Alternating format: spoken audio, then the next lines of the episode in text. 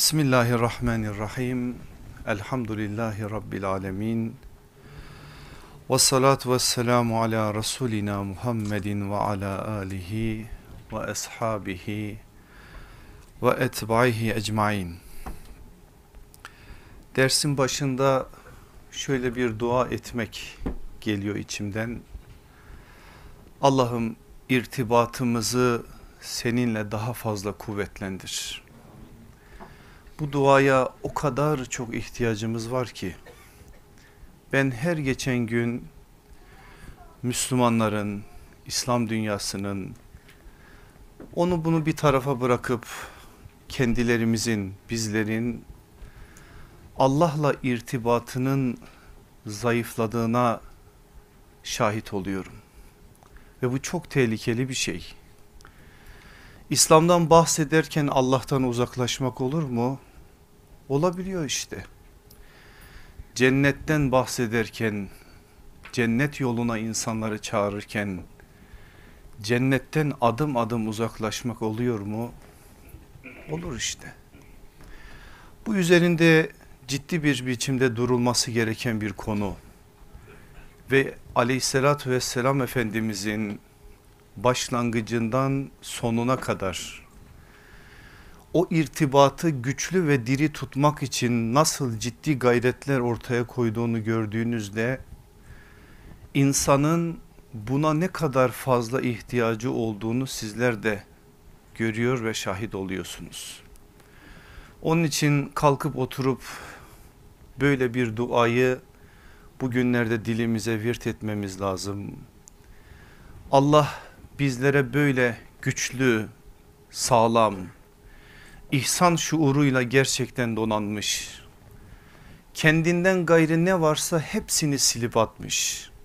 Sadece ve sadece Allah diyen, sadece ve sadece Allah için yürüyen, sadece ve sadece Allah için yanan, Allah için ümit eden, Allah için bekleyen, Allah için terleyen bir kametin sahibi olma adına inşallah bir gayretimiz olsun.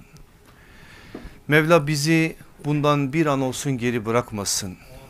İnanın aziz kardeşlerim, aziz yol arkadaşlarım, zor bir hayatta yaşıyoruz.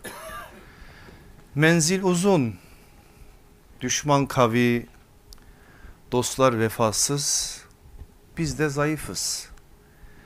Kolay mı bu yolu güzel bir biçimde bitirebilmek? Dostlar çelme takıyor. Bizim şu anda düşmanla işimiz yok. Acı olan taraf da bu zaten. Biz birbirimizi yiyip bitiriyoruz. Bugün Müslümanlar Müslümanların yakasından ellerini çekseler İslam dünyası kalkınacak, ayağa kalkacak. Ama biz birbirimizle uğraştığımız için artık düşmana ihtiyaç yok. Biz birbirimize bu manada da yetiyoruz. Başka bir şeye ihtiyaç bırakmayacak kadar birbirimizi yıpratıyoruz. İşte bir kez daha o irtibat dediğimiz Allah'la insan arasındaki bağ yani yüreklerimizle inşallah Rabbimizle kuracağımız bağ o istenilen düzeyde tesis ederse düşman kavi olsa ne yazar dost vefasız olsa ne yazar Menzile varmak için yol yürürsün ama menzile varmazsın ne yazar? Senin zayıflıkların bazen seni düşürür yatağa. Seni yoldan alıkoyar ne yazar? Hiçbir tanesinin önemi yok aslında. Yeter ki Allah için olsun. Yürekler sadece ve sadece Allah için çarpsın. Sadece ondan beklensin ve ona sığınılsın. Rabbim bir an olsun bizi inşallah bu şuurdan bu bilinçten mahrum bırakmasın. Aziz kardeşlerim konumuz kardeşlik ahlakı. Bahsimiz varlık teminatımız kardeşlik. Gerçekten de böyle varlık teminatımız bizim kardeşliktir. Eğer biz İslam toplumundan bahsedersek ki ondan bahsediyoruz. Aziz İslam bir mabet dini değildir. İslam'la diğer düşüncelerin onlara din bile denmez ama biz tespit olsun değerlendirme olsun diye diyoruz. Diğer düşüncelerin diğer dinlerin en bariz farkı da budur.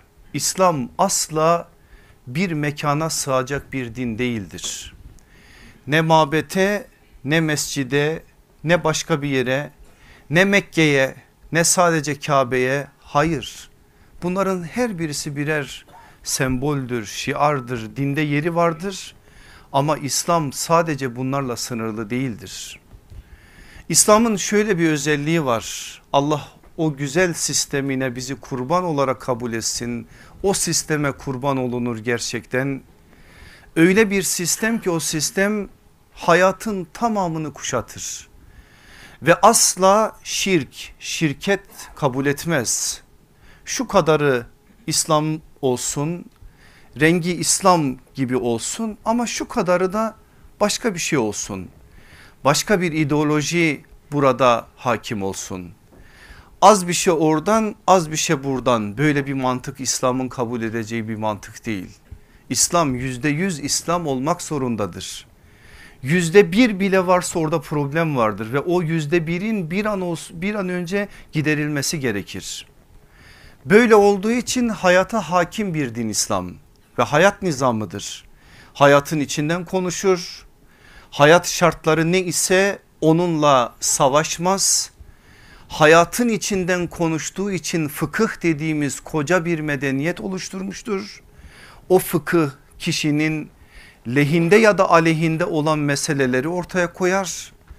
Düzen, ortam, mekan ne olursa olsun var olan düzende ve ortamda Müslümanca yaşamanın yolunu ve yöntemini iman ettiğimiz değerler olan İslam bize gösterir. Yani bir insan kalkıp şunu söyleyemez.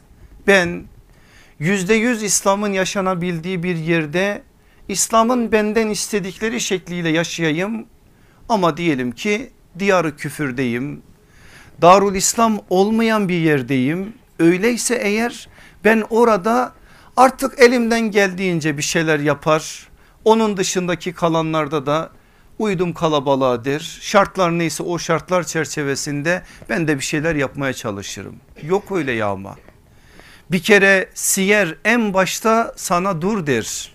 13 yıl senin benim iman ettiğimiz sallallahu aleyhi ve sellem Efendimiz İslam'ın mahkum olduğu bir yerde yaşadı. 13 yıl boyunca Mekke bu manada bir sistem bir model ortaya koydu.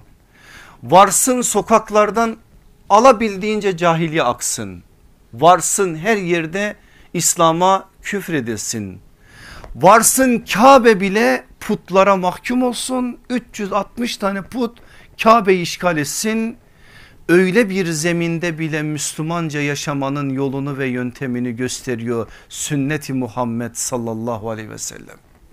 Çıktın gittin Habeşistan'a bir avuç Müslümansın. Her taraf Hristiyan bir avuç İsevi muvahhid var sadece biz Necaşi'yi işin bidayetinde öyle saymak zorundayız. Hristiyanlığın hakim olduğu bir coğrafyada bir avuç Müslüman olarak nasıl yaşanabileceğini gösteriyor Habeşistan modeli. Geldin Medine'ye bidayeti Yesrib'di. Orada Yahudiler hakim, müşrikler çoğunlukta. Senin ilk nüfus sayımına göre sayın sadece 1500. Yani Medine'nin o günkü yüzde 15'ini ancak sen oluşturuyorsun öyle bir ortamda da Müslümanca yaşamanın yolunu gösteriyor sallallahu aleyhi ve sellem Efendimiz.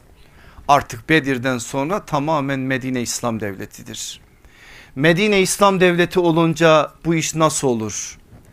Daha sonra aleyhissalatü vesselam Efendimizin cihanın dört bir tarafına gönderdiği o davet mektuplarıyla karşı taraflara verilen mesajlar ve o mesajlara karşı oluşan tepkiler o elçilerin giderken gelirken o yol güzergahında yaşadıkları her bir haliyle aslında bize hangi şartta olursa olsun Müslümanca yaşama adına çok önemli örneklikler verir. Niye bunları söylüyorum biliyor musunuz? Kardeşlikle bunun ne alakası var? İslam toplumunun en temel meselesi en temel mesajı kardeşlik de onun için. Aleyhissalatü vesselam Efendimiz işin bidayetinden sonuna kadar o aziz İslam'ı bir cemaat halinde yaşanabilirliğini sağlarken bu işin mayasını bu işin varlık teminatını bu işin zeminini ve kökününü kökünü kardeşlik üzere attı. Eğer varsa kardeşlik İslam toplumu var. Yoksa eğer kardeşlik orada ciddi arızalar var. Nasıl olduğunu biraz sonra beraberce göreceğiz. Dolayısıyla İslam toplumu kardeşlik üzerine bina edilir. İslam toplumu kardeşlik ile ayakta kalabilir. İslam toplumu varlığını sürdürülebilirliğini devamiyetini ancak ve ancak kardeşlik ile sağlayabilir. Öyleyse benim aziz kardeşlerim biz kardeşlikten bahsettiğimiz zaman öylesine bir hadiseden bahsetmiş olmuyoruz. Bunu çok iyi anlayalım. Bizim için bir fantezi değil affedersiniz bir lüks de değil olmazsa olmaz bir esası konuşuruz kardeşliği konuşunca. Eğer İslam toplumunun zemini kardeşlikle atılmış ve onunla sürdürülmüşse yani bizim varlık teminatımız kardeşlik olmuşsa biz kardeşliği konuşmayı konuşmaktan da daha fazla aslında onu tesis etmeyi sürdürülebilirliği noktasında bazı adımları atabilmeyi boynumuza yüklenmiş önemli bir mükellefiyet olarak konuşmak ve anlamak zorundayız. Cenab-ı Hak gerçek manada anlayabilmeyi, yaşayabilmeyi, tesis edebilmeyi hepimize nasip eylesin. Ne diyor Saf suresinin dördüncü ayetinde o İslam cemaatini bize tasvir eder, ederken Cenab-ı Hak bünyanun mersus bünyanun mersus tam da böyle bir şeydir. Bakın şu elinizi birbirine şöyle kenetlendiğiniz zaman bir binanın tuğlaları gibi o binayı doğrultma adına böyle bir kenetleme olması lazım. Hiçbir güç bunu birbirinden ayıramaz.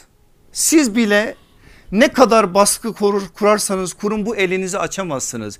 Eğer bunu sağlam tutarsanız var ya dünya bir tarafa gelsin sizin iki elinizi birbirinden koparamaz. Ancak başka şeyler yapması lazım. Dünyanın mersus işte böyle bir cemaatle ortaya çıkınca ve aleyhissalatü vesselam Efendimiz cemaati böyle oluşturunca şirkin sokaklardan aktığı o toplumda bile bir avuç Müslüman gerçekten birçok sıkıntıya rağmen kainata meydan okuyabilecek kadar bu manada bir imanın sahibi olarak birbirlerine destek oldular ve hiçbir şey onları yollarından edemedi. Bugün eğer yaşadığımız şu zeminde bu olmuyorsa bizim dönüp yeniden bir kez daha kardeşlik meselesini edebiyatta bırakmayıp sadece sözde bırakmayıp sadece bu işi konuşup işte farklı bir biçimde güzel güzel sözlerle süsleyip ortaya koymakta bırakmayıp neleri eksik bıraktığımız noktasında ciddi bir muhasebeye bizi sevk etmelidir. Eğer o muhasebe olmazsa eririz. Varlık teminatımız kardeşlikse kardeşlik yoksa o teminat yıkılmış oldu. Bugün bakalım İslam toplumuna beraberce bu İslam toplumunun içerisinde şu anda tarafgirlik var mı? Paramparça olmuş mu bu ümmet? Taassup bizlerin sarıldığı bir azık olmuş mu? Birbirlerimize tercihleri din diye dayatıra, dayatıra, dayatarak farklı bir biçimde birbirlerimizi tekvir noktasına sevk edecek kadar meseleye vardırmış mıyız? Uzatın bu örneklerin hepsini göreceksiniz ki varlık teminatımız olan o kardeşlik meselesi eğer tam anlamıyla tesis edilmezse onların yerini alacak olan şeyler bizi tamamen koparacak ve İslam cemaati dediğimiz o aziz cemaatin oluşmaması adına her türlü şey yapacaktır. Şimdi benim aziz kardeşlerim gelin tarihten bir mesele üzerinden bu derdimizi bu sıkıntımızı biraz daha iyi anlamaya çalışalım. İslam tarihinin en önemli kırılma noktalarından bir tanesi Hazreti Osman'ın şehit edilmesi meselesidir. Hazreti Osman'ın şehit edildiği tarih Hicri 35'tir. Aleyhissalatü vesselam Efendimizin vefatının üzerinden 24 yıl geçmiştir. Dikkat buyurun. Çok önemli bir şey söyleyeceğiz burada ve önemli bir tespiti beraberce yapmaya çalışacağız. 24 yıl. Adını bildiğiniz sahabi efendilerimizin ki her biriniz artık burada çokça o isimlere şahit olduğunuz için hemen hemen birçoğunu tanıyorsunuz. Adını bildiğiniz hayatlarına ait bazı bilgileri bildiğiniz sahabi efendilerimizin ancak yüzde 15'i Hicri 35'te vefat etmiştir. Yaklaşık yüzde 85'i Hazreti Osman döneminde ve Hazreti Osman şehit edilince halen hayattadır. Aşere-i Mübeşşere'nin bile birçokları hayattadır. Ve birçok sahabi efendimizin çocukları o gün hayattadır çocuklarının büyük bir kısmı peygamber günlerine şahit olmuşlardır. Hazreti Osman'ı canı pahasına korumak için onun evinin önünde nöbet tutanlar içerisinde biz kimlerin isimlerini okuyoruz? Hazreti Hasan, Hazreti Hüseyin, Hazreti Zübeyir'in oğlu Abdullah, Hazreti Talha'nın oğlu Muhammed ve daha niceleri. Dolayısıyla biz canlı bir biçimde bir Medine zemininden bahsediyoruz. Yani Hazreti Osman döneminde o kanlı hadise Medine'de peygamber şehrinde yaşanırken ashab-ı kiram efendilerimizin büyük bir kısmı ortadan ayrılmış ortadan kalkmış değil birçokları o gün halen için hayatta. Bu bilgi aklınızda bir yerde dursun. Bir kardeş kavgası olan Cemel'i okuyoruz biz. Şimdi bazı kardeşlerimiz İslam tarihinin bu zor sayfaları gündem edilince mevzu bahis edilince haklı olarak moralleri bozuluyor. Benim de moralim bozuluyor. Ben çok rahat anlatamıyorum bunları ama bir yönüyle yaşanmış mı bu tarihte var mı? Ve bu tarihte varsa eğer şu an için bizim dünyamıza da bir şeyler söyler mi? O zaman gizlemenin saklamanın hiçbir gereği yok. Sadece ve sadece yapmamız gereken şey sahabenin de insan olduğunu unutmadan onların da beşeriyetlerini göz ardı etmeden ve sahabi olma konumlarını da değerden ve gündemden düşürmeden tarihteki o sayfaları örnek alma ya da ibret alma nazarıyla okumak durumundayız. Bir yıl sonradır Hicri 36 bir kardeş kavgası olan Cemel. Bir tarafta Hazreti Ayşe anamız bir tarafta Hazreti Ali bir tarafta Hazreti Talha Hazreti Zübeyir bir tarafta Ammar bin Yasir Haris bin Ebu Hale yine ehli beytin yanında olan isimler. Hemen o yılın içerisinde Cemel'in arkasında neler yaşandı Cemel'de hiç oralara girmeyelim. Cemel'in arkasında sıfında yine Hicri 36'da neler yaşandığını sizler de biliyorsunuz. Aradan sadece 4 yıl geçecek bir yıl geçecek Nehveran olacak sıfının üzerinden 4 yıl geçecek Hazreti Ali de küfede yine bir namaza yürürken şehit edilecek. Hicri 61 yani aleyhissalatü vesselam efendimizin vefatının üzerinden daha 50 yıl geçmeden Kerbela dediğimiz o kerbu bela toprağında o bela toprağında Allah Resulü aleyhissalatü vesselamın öpüp kokladığı adeta öpmeye bile kıyamadığı cennet gençlerinin efendisi Hazreti Hüseyin İslam adına güya tırnak içerisinde kullanmak durumundayız onu. İslam adına güya kılıçların mızrakların muhatabı oldu ve Kerbela meydanına kan revan olmuş bir biçimde düşerek orada paramparça yapılmış bir bedenin sahibi olarak cennete yürüdü. Ve biz Kerbela'nın üzerinden Hicri 61'den sadece iki sene sonraya geldiğimiz zaman Hicri 63'teki Kerbela'dan aşağı kalır bir hadise değildir bu. Harre hadisesini yaşadık. Ne oldu peki Harre hadisesinde? Geldiler nereden geldikleri belli olmayan bir grup asker berberi çoğu çoğu İslam'dan hiçbir haberi yok. İslam'ı sadece lafta bilen bir kesim üç gün boyunca peygamber şehrinde taş üstünde taş bırakmadılar.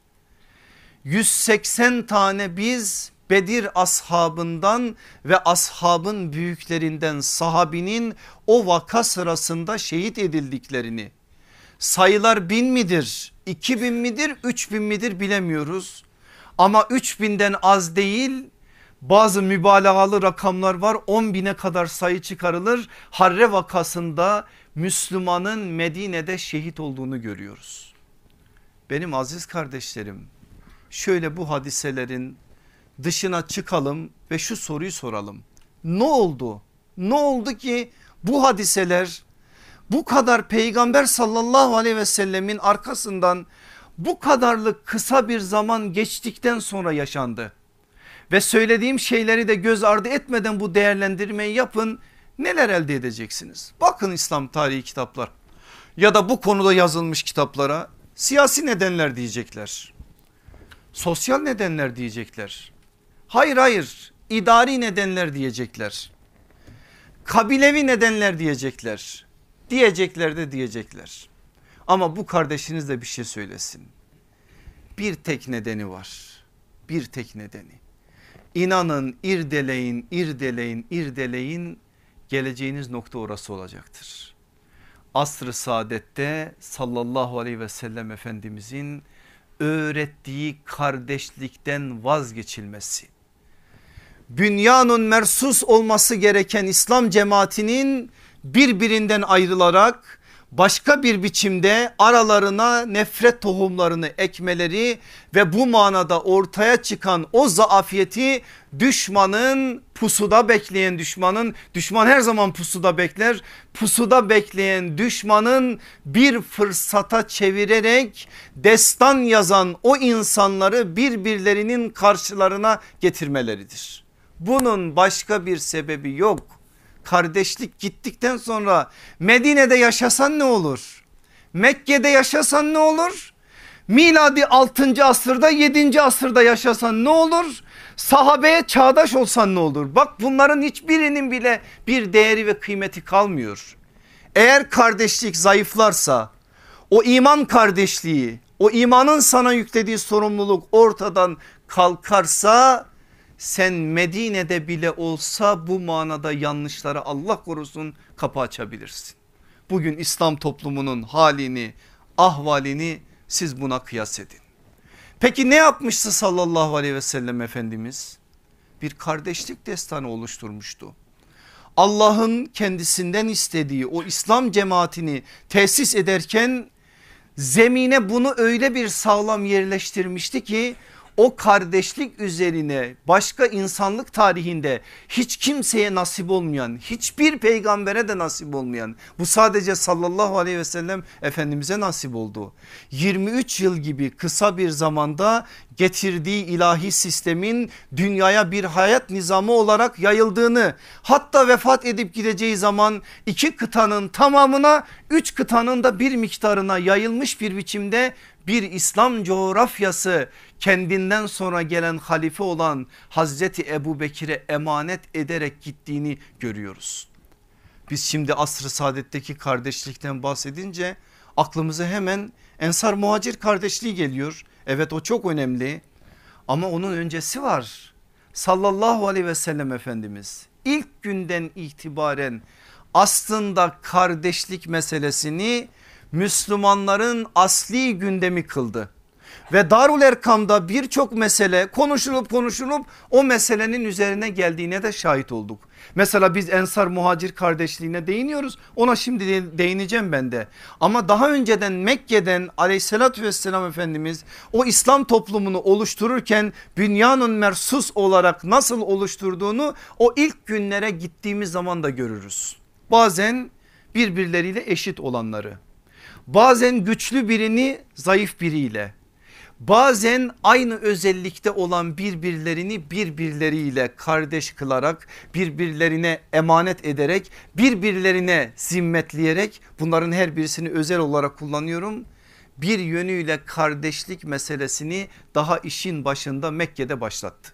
Mesela aleyhissalatü vesselam Efendimiz Hazreti Hamza'ya evlatlığı olan Zeyd bin Harise'yi kardeş kılmıştı. Ne zaman? Daha ilk günlerde Mekke'de yani Hazreti, Hamza'nın Müslüman oluşunun hemen arkasından olan bir şey. Hazreti Ebu Bekir'i kimseyle kardeş kılmadı bekletti. Ne zaman ki Ömer geldi Ömerül Faruk oldu Ebu Bekir Ömer'le Ömer Ebu Bekir'le eşleştirilerek Mekke'de birbirleriyle kardeş kılındı. Hazreti Osman büyük bir tüccar zengin soylu özelliklerini biliyorsunuz. Onunla aynı özelliklerde ve aynı vasıflarda olan birisi onun Mekke'deki kardeşi oldu. Abdurrahman İbni Af'la Hazreti Osman Mekke'de birbirlerine kardeş kılındılar.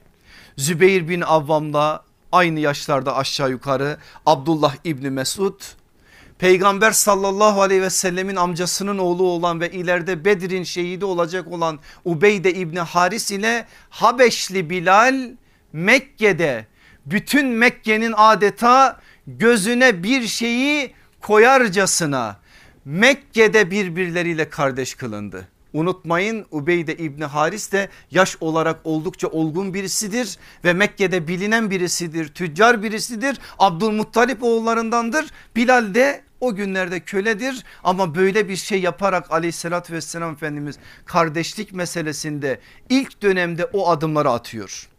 Ebu Huzeyfe İbni Utbe onun da zaten Mevlası Salim onları birbirleriyle kardeş kıldı.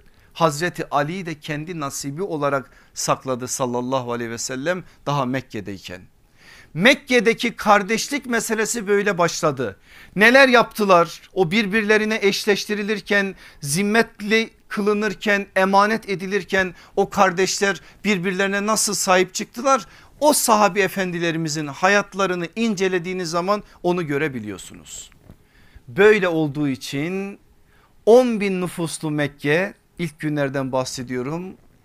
Sayıları Hazreti Ömer geldiği zaman 6. yılda 129 oldu. 129 taneyken bile 6. yılda yine de o 100 tane Müslümana 10 bin nüfuslu Mekke'de bir şey yapılmıyordu.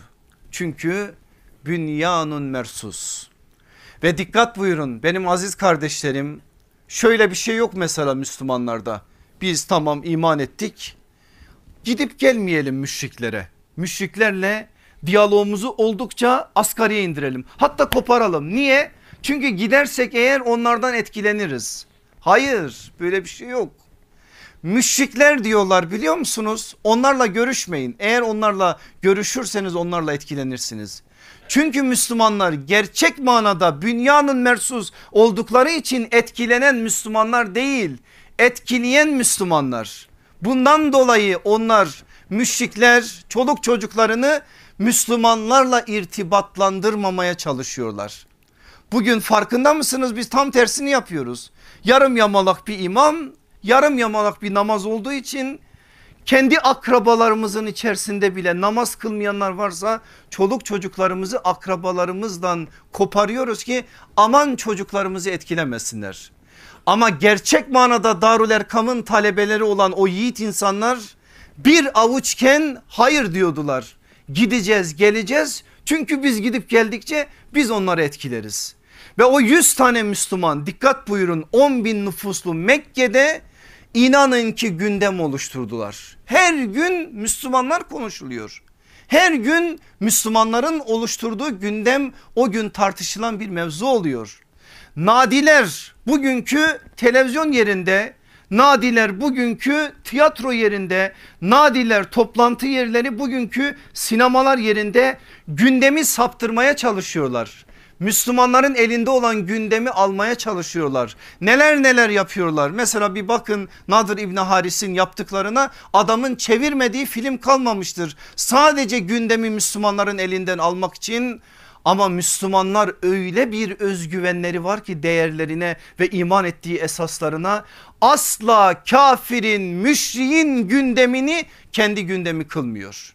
Öyle olduğu için etkileyen oluyor etkilenen olmuyor. Bu manada o kardeşlikle birbirlerine destek oluyorlar öyle bir destek var ki insanlar imreniyor. Aynı babadan değil, aynı anadan değil, aynı kabileden değil, aynı ırktan değil bazıları için, aynı renkten de değil ama birbirleri için ölecek insanlar. birbirleri için ölecek insanları yetiştiren bir dine teslim olunur diyorlar. Belki de bugünün dünyasında bizim ortaya koyamadığımız numune de bu benim aziz kardeşlerim. Koyamadığımız için etkileyemiyoruz. Onun için de etkileniyoruz. Onun için gündem oluşturamıyoruz. Ne oldu peki? 13 yılın sonunda sallallahu aleyhi ve sellem Efendimiz o günkü adıyla Yesrib'e hicret etti. Yesrib'i Medine kılarken Efendimiz yedi temel basamak üzerine İslam toplumunu oluşturdu. Nedir o yedi tane temel basamak? Önce bir mescit inşa etti. İslam toplumunun kalbidir mescit. Bizim medeniyetimiz mescit medeniyetidir, cami medeniyetidir ve İslam toplumunun kalbi olan o mescit onunla birlikte başlar ve nefes alıp verdikleri yer Müslümanların mescitleridir.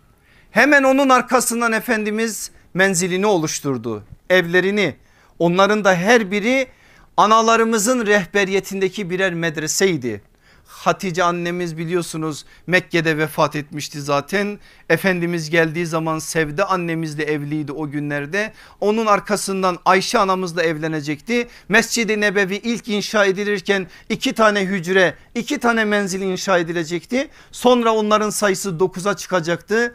9 tanenin her birisi de birer nebevi medrese olacaktı orada nice talebeler yetiştiğini o hadiseyi biraz daha derinlemesine araştırdığınız zaman görüyorsunuz. Onun arkasından Suffa Mektebi dediğimiz o büyük mektep inşa edildi. Bakın mescit, menzil, mektep ve sallallahu aleyhi ve sellemin yaptığı dördüncü şey muakkattır. Ona da şimdi döneceğiz. Ne demek muakkat? Hemen arkasından Medine vesikası dünyanın ilk yazılı anayasası hukuklu insanlar hukukun üstünlüğüne inanan insanlar hukukla yaşamayı asli bir vazife olarak gören insanlar Medine vesikasını yaparak bu manada herkesi hukuka çağırdılar. Kendileri de hukukun ne dediklerine teslim oldular başkalarını da hukuka çağırdılar. Hemen onun arkasından Medine çarşısı güç lazım ekonomi lazım para lazım başkalarına bağımlı olmamak lazım Kimseye el açmamak lazım. Asli olan ihtiyaçları en azından Müslümanların hiç kimseden beklemeden ayakları üzerlerinde durabilecek şekilde tesis etmeleri lazım. O da Medine çarşısıyla oldu zaten. Ondan sonra da askeri birlik kuruldu ve aleyhissalatü vesselam Efendimiz bu yedi tane basamakla Medine İslam toplumunu tesis etti. Şimdi bunlardan dördüncüsüne bir daha dönmek durumundayız. Neydi dördüncüsü? Muakkat. Ne demek muakkat? Kardeşlik. Muhacir ensar kardeşliliği. Aleyhissalatü vesselam Efendimiz Mescid-i Nebevi'nin inşaatı bitince ki 5-6 ay sürüyor o inşaat. Enes bin Malik'i gönderiyor ve bütün ensarla muhaciri çağırıyor bir rivayete göre Enes'in anası olan Ümmü Süleym'in evinin önünde olmuştur ama Mescid-i Nebevi'nin avlusunda olma ihtimali daha fazladır. İbn Sa'da göre 50 muhacir 50 ensar. Makrizi belki ileriki zamandaki sayıları da katarak 83 muhacirin 83 ensara kardeş kılındığını söylüyor. Muhacir ensar kardeşliliği böylelikle tesis ediliyor. Aleyhissalatü vesselam Efendimiz başta Bukhari olmak üzere onlarca hadis kitabımızda geçen şöyle bir söz söylüyor. İslam dininde hilf yoktur ancak din kardeşliliği vardır. Hilf ne demek? Kardeşlik ne demek? Aleyhissalatü vesselam Efendimiz niçin orada hilfi kardeşliğin kardeşliği hilfin yerine kullandı ona bir daha döneceğim. O aklınızda şimdilik dursun. Nasıl seçti sallallahu aleyhi ve sellem Efendimiz? Birbirlerini tartacak. Birbirlerine destek olacak. Birbirlerine sahip çıkacak. Biri kayarsa biri el uzatacak. Biri yanlış yaparsa biri onu uyarıp hakkı ve sabrı tavsiye ederek gel kardeşim o yol yol değil diyecek. Yani sırat-ı mustakime çağıracak ve bu manada da birbirlerinin üzerinde söz sahibi olacağı yani ağırlık oluşturabileceği bir eşleştirme yaptı. Bu öyle kendiliğinden olan bir şey değildi. Şimdi Enes bin Malik gidip Ensar ve Muhacir'i çağırdı. Efendimiz de baktı ilk gözüne çarpanları sen şununla sen şununla kardeş ol demedi. Ne yaptı? Zaten 6 ay geçmiş muhacirlerin hepsini çok iyi tanıyor. 6 ay süre içerisinde de Ensar'ı tanıdı. O 6 ay süre içerisinde bir İslam davetçisi ve muallimi olan Musab bin Ümeyr'den Medine'deki insanlar hakkında bilgiler aldı. Onların hepsini Efendimiz sallallahu aleyhi ve sellem dikkate alarak bir eşleştirme yaptı. Bakın o isimlere bu eşleştirmenin ne kadar doğru ve isabetli olduğunu siz de göreceksiniz. Ey Eba Bekir senin kardeşin Harice İbni Zeyd dedi. Harice İbni Zeyd gibi birisi Ebu Bekir'e radıyallahu an. Hazreti Ebu Bekir'in ona kardeş kılınması zaten biz Hazreti Ebu Bekir'i tanıyoruz da Harice İbni Zeyd'i tanıdığımız zaman çözebileceğimiz bir şey. İleriki bir zamanda onun bir kızıyla da evlenecek Hazreti Ebu Bekir. O evlilikle de o kardeşlik daha farklı bir noktaya gelecek. Ey Ömer dedi senin kardeşin Itban bin Malik. Bambaşka bir isim. İsimlere girersek eğer vakit yetmeyecek bize. Ey Osman dedi senin kardeşin Evs bin Sabit.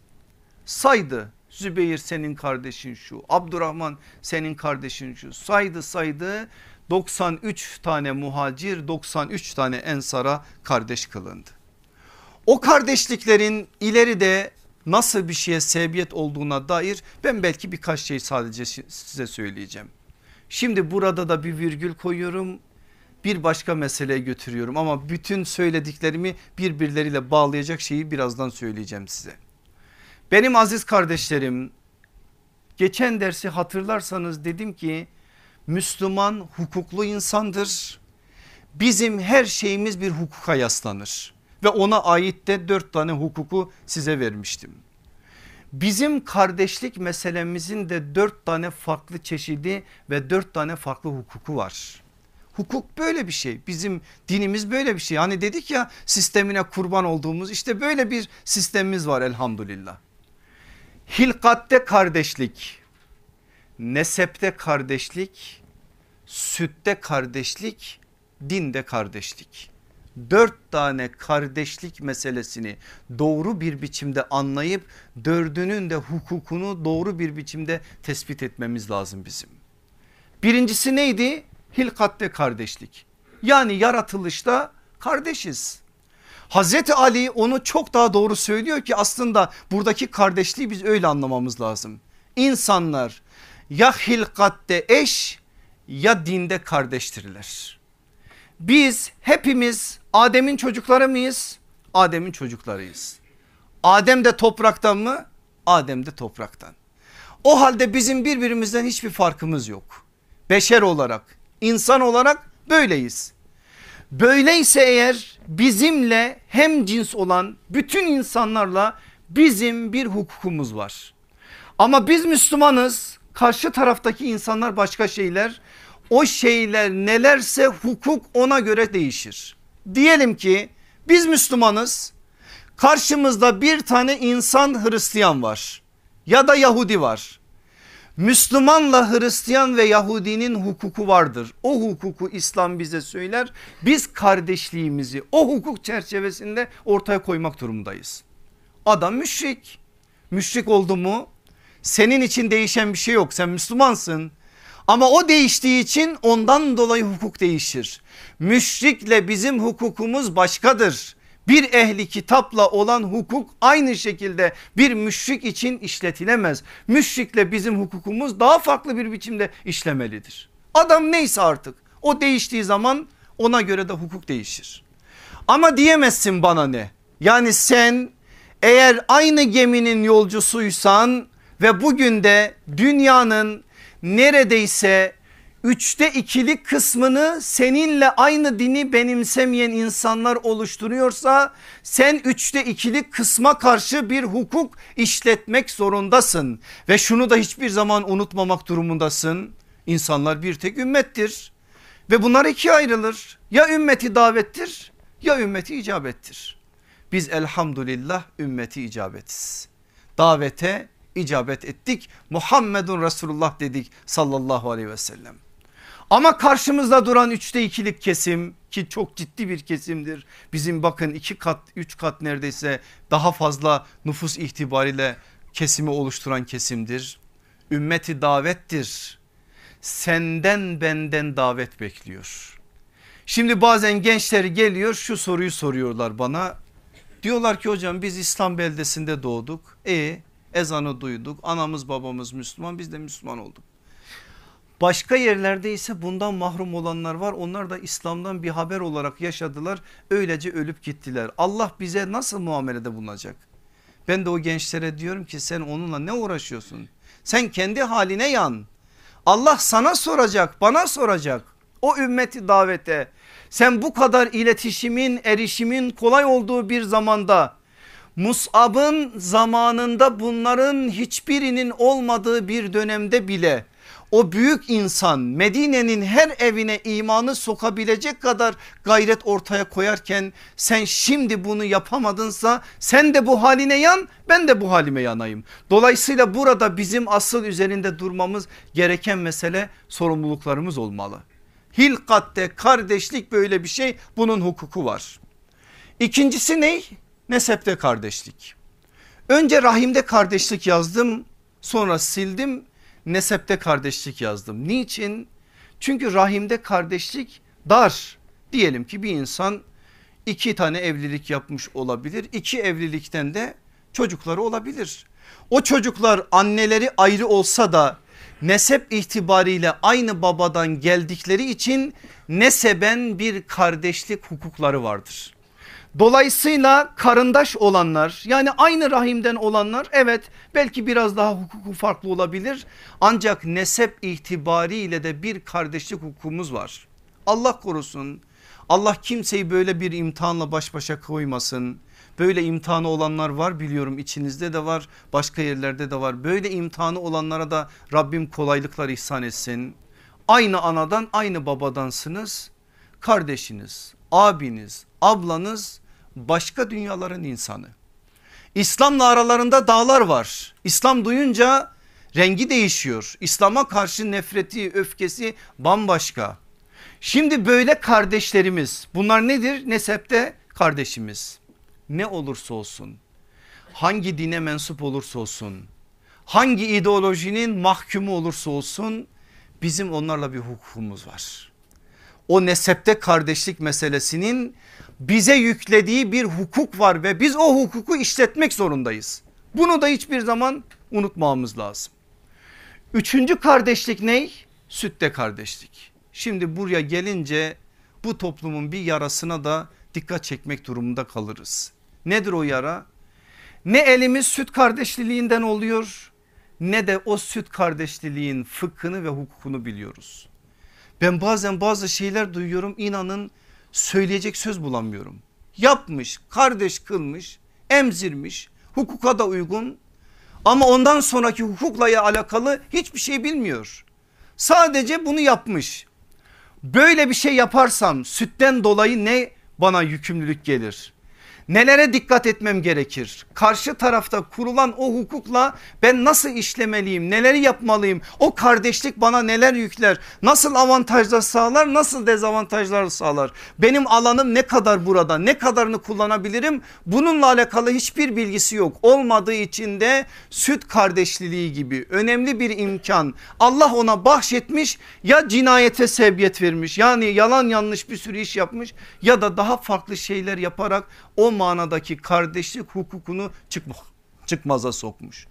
Dolayısıyla böyle bir hukuku olan insanlar yani sütten dolayı bir kardeşlik oluşturan insanlar o işin hukukunu fıkhını çok iyi öğrenmek zorundadırlar. Bizim asıl bugün üzerinde duracağımız şey ne? Dinde kardeşlik. Aynı inanç, aynı kıble, aynı Allah, aynı Kur'an, aynı peygamber, aynı kitap birçok inanç esaslarımızla aynı olan insanlarla dillerimiz ne olursa olsun ırklarımız ne olursa olsun, coğrafyalarımız ne olursa olsun, tarihin hangi zamanında yaşanırsa yaşansın bir İslam kardeşliliği var. Allah o güzel nimeti bize yaşattığı için de binlerce kez ona hamdolsun. Benim aziz kardeşlerim saydığım o dört kardeşlikten yani hilkatte, sütte, nesepte, dinde bu dört kardeşlikten üç tanesi süreten kardeşliktir. Bir tanesi sireten kardeşliktir. Bu saydığım dört kardeşlikten üç tanesi sadece dünya ile alakalı kardeşliktir. Bir tanesi hem dünya hem ahiret ile alakalı kardeşliktir.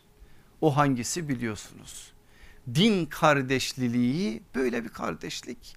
Allah bunu bize yüklerken böyle bir sorumluluğu yüklerken böyle bir nimeti bize bahşederken bunun imkanlarıyla güzellikleriyle beraber bahşediyor. Biz anlarsak gerçekten ne kadar büyük bir şey olduğunu daha iyi fark ederiz. Gerçi anlıyoruz da bazen mesela birbirimizi aynı coğrafyalarda olmamamıza rağmen aynı ırktan olmamamıza rağmen aynı dili konuşmamamıza rağmen imanın bizi birbirimize yaklaştırmasının o mutluluğunu çoğu zaman belki tam anlamıyla takdir edemesek de bazen hissediyoruz. O hissediş bize bile bize iman adına bambaşka şeyler ortaya koyuyor. Allah o manada gerçek o kardeşliliğin tadını ve lezzetini bizlere tattırsın. O yarım bıraktığım noktaya bir daha götürüyorum şimdi sizi. Hilf ve muakkat. Ne dedi sallallahu aleyhi ve sellem? İslam dininde hilf yok muakkat kardeşlik var. Ne demek hilf?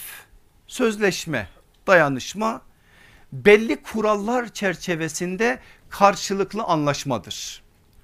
Cahiliye döneminde de İslam döneminde de hilfler yaşadı var oldu. Hemen bir tanesini hatırlamanız lazım. Hilful fudul bu odur işte. Nedir o? Faziletliler sözleşmesi faziletliler birliği. Mesela hilful silah diye bir şey var yine İslam'ın öncesinde yani cahiliye döneminde. Onun dışında başka şeyler de var. Mesela hilful ribaf var, hilful fudul vardı zaten, hilful ahlaf var, hilful mutayabbin var, var da var. Bunların muakhattan çok temelde bir farkı var. Bakın gerçek manada ensar ve muhaciri biz anlamadığımız için yakın bir zamanda bir kardeşimiz yine sordu içinizden. Abdurrahman İbni Af'la Sad İbni Rebi arasındaki kardeşliği anlayamıyoruz. Hatırladınız mı o kardeşliği? Efendimiz birbirlerine kardeş kılmışlar. Akşam geliyorlar eve. Ne diyor Sad İbni Rebi muhacir kardeşine Abdurrahman İbni Af'a? Allah Resulü sallallahu aleyhi ve sellem seni bana beni sana kardeş kıldı. Kardeşim kardeşlik laf ile olmaz. Allah Resulü aleyhissalatü vesselam bizi birbirimize kardeş kıldıysa böleceğiz, bölüşeceğiz, bütünleşeceğiz. Bu üçünü söylemiyor Sad bin Rebi ama söylediğinden bu üç tane mesaj var. Böleceğiz, bölüşeceğiz, bütünleşeceğiz. Kardeşlik de zaten bu aslında. Gerçek manada ensar muhacir kardeşliği bu. Ne dedi Sad bin Rebi? İşte bu tarlam. Tam ortadan ikiye ayırıyorum. Yarısı senin yarısı benim. İşte şu benim evim tam ortadan ikiye ayırıyorum. Yarısı senin yarısı benim.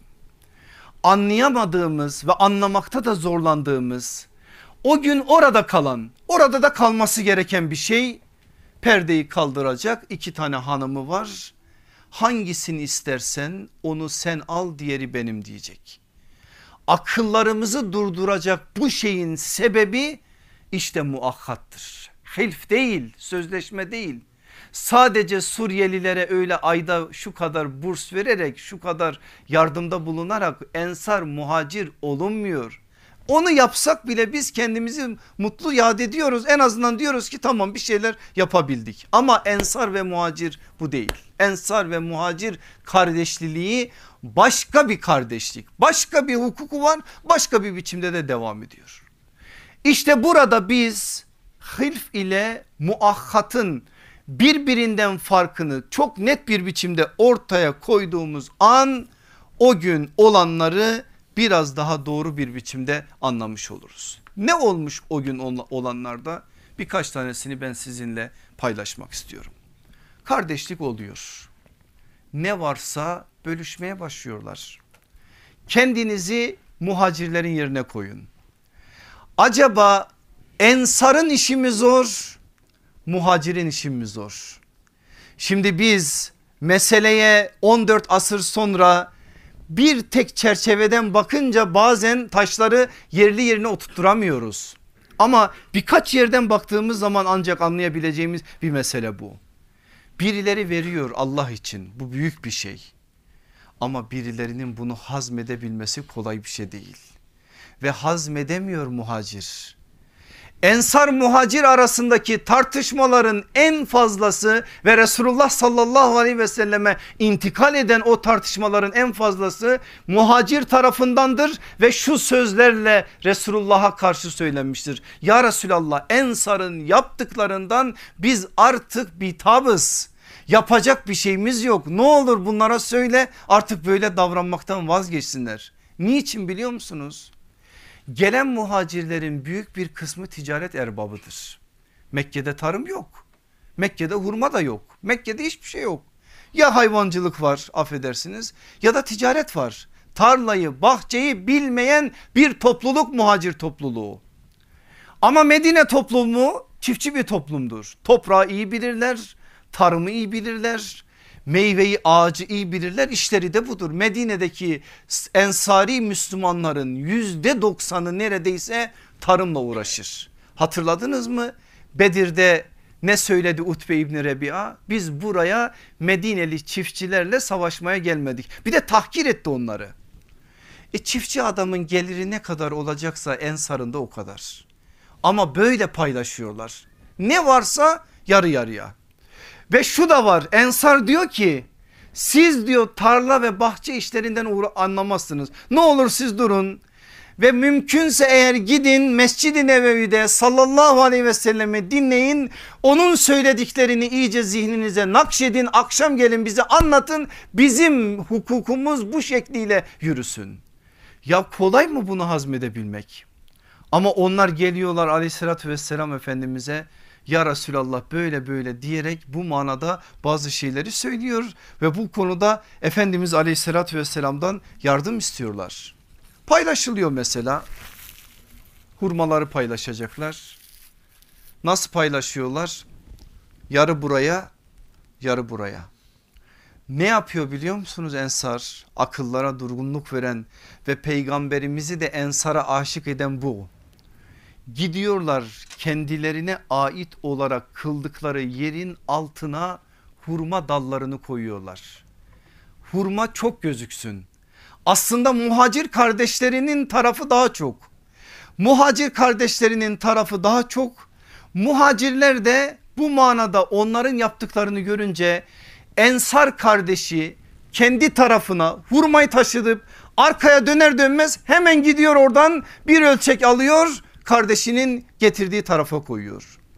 Ve bu böylece destan bir biçimde devam edip geliyor. Şimdi ben bu konuda neler anlatırım size ama dakikalar ilerlediği için başka birkaç şeye daha dikkatinizi çekeceğim için burada bırakmak istiyorum. Ama bilin ki bu konuda İslam tarihinde halen 14 asırdır ikinci bir örneği olmayan bir kardeşlik destanı yani bir muakkat yaşanmış. Allah o gün o yaşananları bizim hayatımızda da dirilsin inşallah. Bahreyn'den bazı ganimetler gelmiş.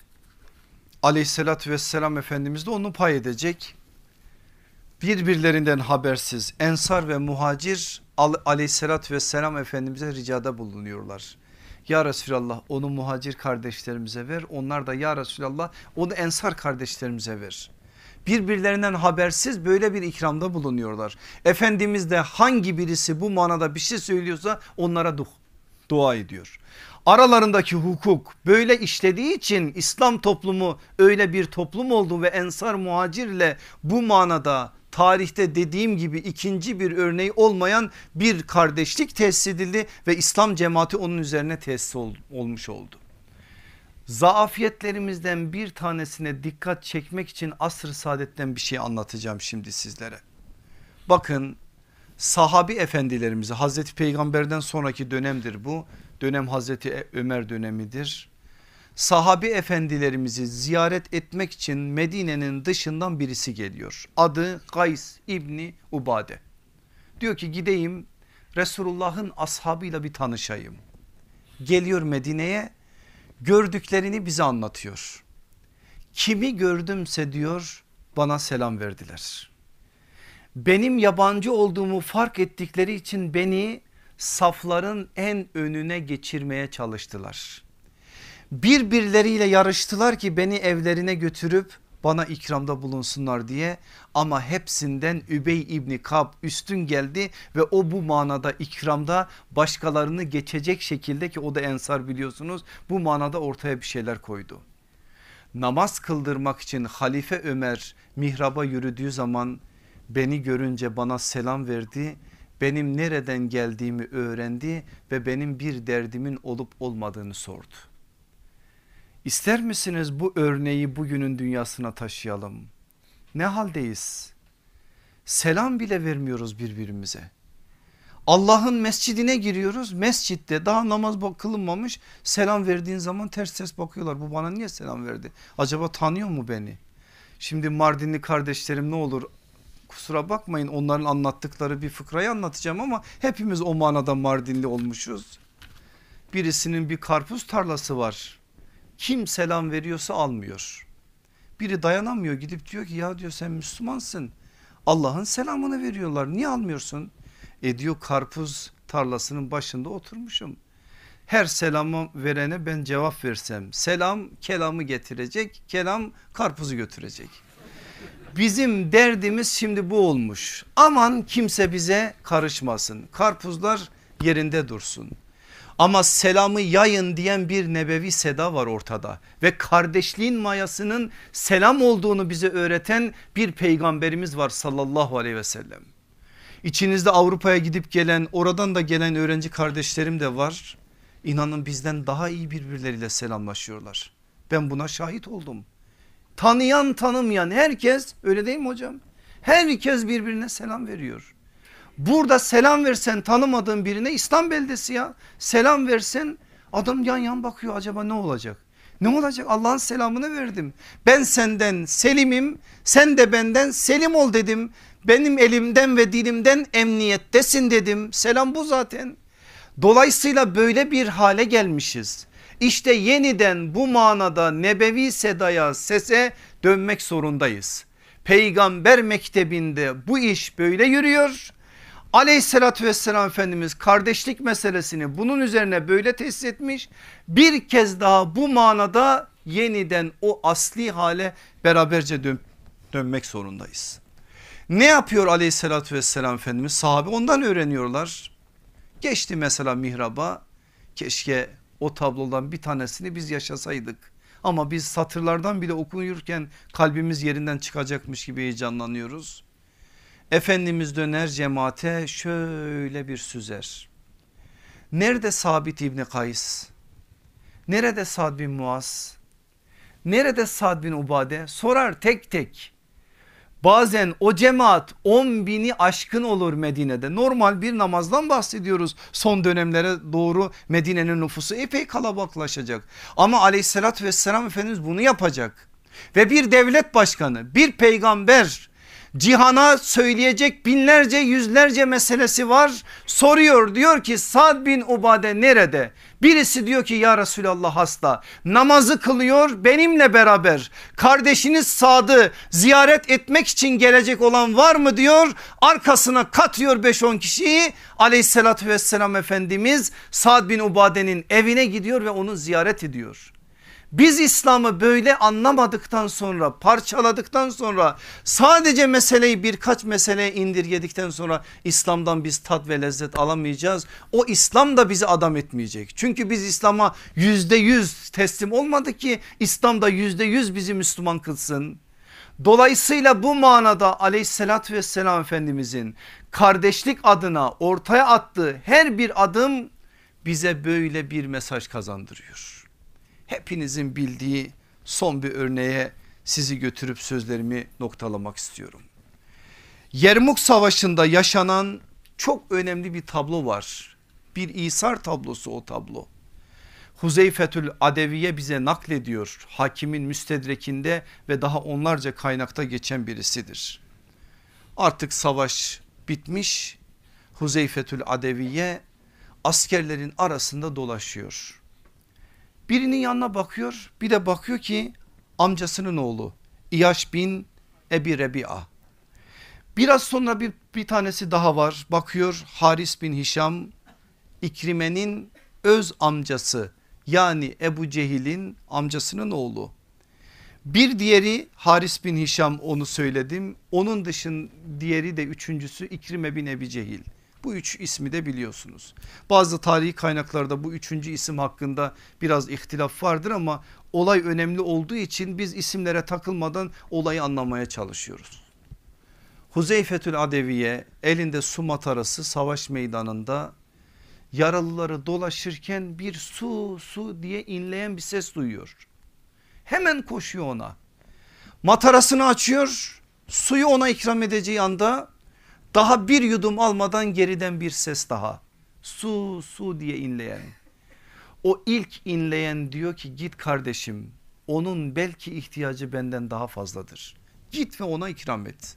Ona gidiyor. Zor bakın bu meseleleri anlamak gerçekten zor. Yani bu kadar anlatıldığı kadar kolay bir şey değil bu. Hayatın içerisinde bugün güncellendiğiniz zaman ne kadar hayatımızın dışında olduğunu sizler de takdir edeceksiniz. Gidiyor ikinci şahsa. Matarasını ağzına doğru götürüyor. Bir başka ses su su diye inleyen o da aynı şeyi yapıyor. İslam cemaati bu işte zaten. Git diyor kardeşim. Belki onun ihtiyacı benden daha fazladır. Ona gidiyor. Ona gidip suyu ona ikram edeceği zaman o şahıs şehadet şerbetini içiyor. Yetişeyim biraz önce isteyene diyor. Ona yetişmek için koşuyor o da şehadet şerbetini içmiş. İlkine gideyim o ilk isteyene ulaştırayım diyor o da şehadet şerbetini içmiş. Heniyen lekum diyor size afiyet olsun siz benim ellerimden değil meleklerin ellerinden su içtiniz deyip onların şehadetlerini tebrik ediyor. Gerçekten kardeşlik bu. Kardeş budur. Eğer biz bugün bazı keyiflerimizden, bazı lezzetlerimizden, bazı güzelliklerimizden kardeşimiz için vazgeçemiyorsak biz kardeşliği anlamamışız. Bunları konuştuğumuz zaman, bunları söylediğimiz zaman bir bakıyorsun kardeşlerimiz faturayı hep dışarıdaki etrafındaki insanlara kesiyorlar. İyi hoş hocam güzel diyorsun ama bu kadar iyilik yapıyoruz bu kadar şunu yapıyoruz hep gördüğümüz kötülük şu bu. Bunlar birer bahane benim aziz kardeşlerim. Kardeş nedir biliyor musunuz? Kardeş şu eğer biz anlarsak kardeş başka bir kardeşinin eziyetine onun tahkirine onun sıkıntılarına, onun dertlerine katlanan adamdır. Böyle anlarsak biz bu kardeşlik meselesini anlarız. Biz sevap için uğraşmıyor muyuz? Allah yolunda ufacık bir gayreti niçin ortaya koyuyoruz? Niçin biz nafile ibadetlerimizi çoğaltıyoruz? İşte sevapların en güzelini bize gösteriyor sallallahu aleyhi ve sellem. Eğer sen kardeşinin eziyetlerine katlanırsan mağarada insanların dışında insanların içine girmeden yaşayacağın bir hayattan daha fazla hatta kat kat daha fazla Allah katından sevap kazanırsın diyen bir peygamberimiz var. Öyleyse eğer bahanelere sığmaya gerek yok yapacağımız şey varlık teminatımız olan kardeşliktir. Kardeşliktir, kardeşliktir. Benim size söyleyeceğim son cümle şudur. Ya biz kardeşlikle var olacağız ya da birer birer yok olacağız. İster bunu anlayalım ister anlamayalım. Ya kardeşlikle var olacağız dirileceğiz tekrardan dirilişimiz oradan olacak nasıl ki olmuşsa tarihte ya da bu işi lüks olarak göreceğiz. Eskide kaldı bunlar. Bunlar artık lafta deyip sadece işin edebiyatıyla uğraşan insanlar olacağız. Düşman da bizim bu zafiyetimizi kullanacak. Bizi birbirimize kırdıracak. Sonra bizim kanımızın üstünde onlar kendi destanlarını yazacaklar. Gelin düşmana fırsat vermeyelim.